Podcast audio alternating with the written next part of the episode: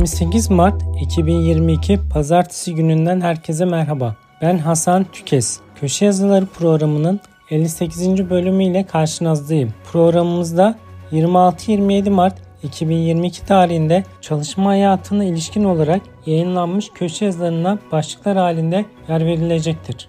26-27 Mart 2022 tarihli köşe yazıları Abdullah Kiraz YouTuberlar bu yıl ve sonraki yıllar vergi açısından sizin yılınız olabilir. Ahmet Kıvanç Harcamaları gider gösterip vergi iadesi alabilirsiniz. Ahmet Ünlü 2022 yılında sözleşmeli personeller arasındaki statü farklılığı düzeltilecek. Barış Özçiftçi Yeni teknolojilerin şirketlerin sürdürülebilirliğindeki rolü.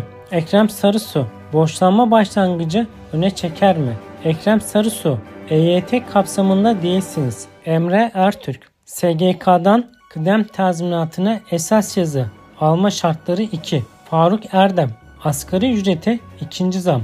Faruk Erdem işe dönemeyene 8 maaş tazminat. Feride Hilal İmal iadenin kuralları var. Feride Hilal İmal kefil borca ortak olur.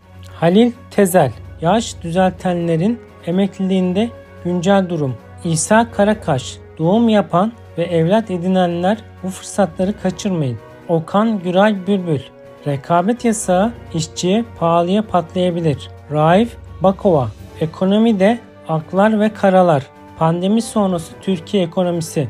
Recep Yılmaz Enerji üretiminde OSB mevzuatı engeli. Sezgin Özcan Prim eksiğimi nasıl kapatırım? Sezgin Özcan Yurt dışı borçlanması emeklilik statümü değiştirir mi?